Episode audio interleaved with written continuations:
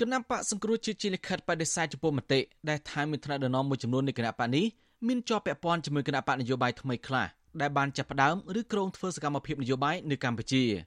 អនុប្រធានគណៈបកសង្គ្រោះជាតិលោកអេងឆៃអៀងបានឲ្យវិទ្យុអាស៊ីសេរីដឹងថាលិខិតបដិសេធចុះថ្ងៃទី13ខែសីហាបានធ្វើឡើងដើម្បីបញ្ជាក់ថាគណៈបកសង្គ្រោះជាតិនៅតែរក្សាការតស៊ូរបស់ខ្លួនដែលមិនមែនជាការជ្រើសយកបើគណៈបកថ្មីក្នុងការចូលរួមសកម្មភាពនយោបាយនោះទេ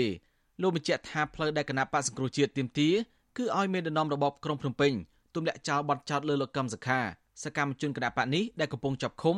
ហើយត្រូវផ្ដល់ឲ្យគណៈបកសង្គ្រោះជាតិអាចដំណើរការឡើងវិញ។ គឺយើងបានសម្រេចធ្វើការបដិសេធពាក្យចាមរាមនឹងព្រោះពួកយើងគឺយើងនៅតែក្នុងគណៈបកសង្គ្រោះជាតិយើងកំពុងតែតស៊ូក្រោមឆ័ត្ររបស់គណៈបកសង្គ្រោះជាតិដើម្បីតតាំងនឹងជនបដការដើម្បីទាមទារអញ្ចឹងពួកយើងអត់មានពាក់ព័ន្ធនឹងគណៈបកថ្មីណាមួយដែលគេបានបង្កើតនិងកំពុងបង្កើតនៅទេបាទអនុប្រធានគណៈបកប្រឆាំងរូបនេះឲ្យដឹងទៀតថាថ្នាក់ដឹកនាំគណៈបកសង្គ្រោះជាតិដែលកំពុងនៅក្រៅប្រទេស កំពុងធ្វើការជាមួយសហគមន៍អន្តរជាតិហើយទទួលបានជោគជ័យផ្នែកការទូតលោកក៏ដឹងទៀតថាលទ្ធផលទៅនេះបណ្ដាប្រទេសជាមិត្តនានាកំពុងដាក់ទណ្ឌកម្មលើរបបលោកហ៊ុនសែនជាបន្តបន្ទាប់អ្នកនាំពាក្យគណៈបកប្រជាជនកម្ពុជាលោកឈឹមផលវរុនសូមអធិប្បាយលើរឿងនេះទេដោយលោកនិយាយថាជារឿងរបស់គណៈបកសង្គ្រោះជាតិនេះមិនមែនជាលើកទី1ទេដែលថ្នាក់ដឹកនាំកម្ពុជានៃគណៈបកសង្គ្រោះជាតិចេញមកបដិសេធការជាប់ពាក់ព័ន្ធនឹងការបង្កើតបកថ្មីថ្មីថ្មីនេះប្រធានគណៈបកសង្គ្រោះជាតិលោកកឹមសុខា បានថ្លែងសារតាមរយៈមេធាវីរបស់លោកថាបុគ្គលឬក៏ក្រុមណាដែលមានបំណងបង្កើតកំពុងបង្កើតឬបានបង្កើតគណៈបកនយោបាយឬក៏ចលនានយោបាយណាមួយសូមគុំយកករណីឬឈ្មោះលោកកឹមសុខាទៅភ្ជាប់ជាមួយជុំវិញរឿងនេះអ្នកវិភាគនយោបាយបណ្ឌិតសេងសេរីសង្កេតឃើញថាលិខិតបដិសេធរបស់គណៈបកសង្គ្រោះជាតិនៅពេលនេះ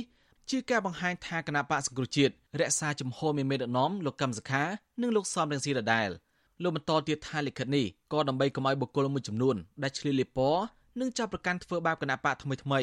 ដែលត្រៀមចូលរួមក្នុងការបោះឆ្នោតឆ្នាំ2022និងឆ្នាំ2023ខាងមុខនេះ វាអាចទាក់ទងទៅនឹងច្បាប់គណៈបកនយោបាយថ្មីនេះដែលអាចចោតប្រកាន់ទៅលើគណៈបកថ្មីណាមួយដែល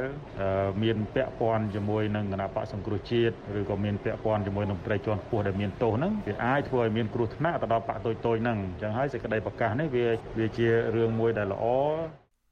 គណៈបកកណ្ដាលអំណាចបានធ្វើវិសោធនកម្មច្បាប់ស្ដីពីគណៈបកនយោបាយហើយបានចែងមេត្រាថាគណៈបកនយោបាយណាដែលជាប់ពាក់ព័ន្ធនឹងតនដិននឹងត្រូវផ្អាកសកម្មភាពឬក៏រំលាយគណៈបកនោះចោល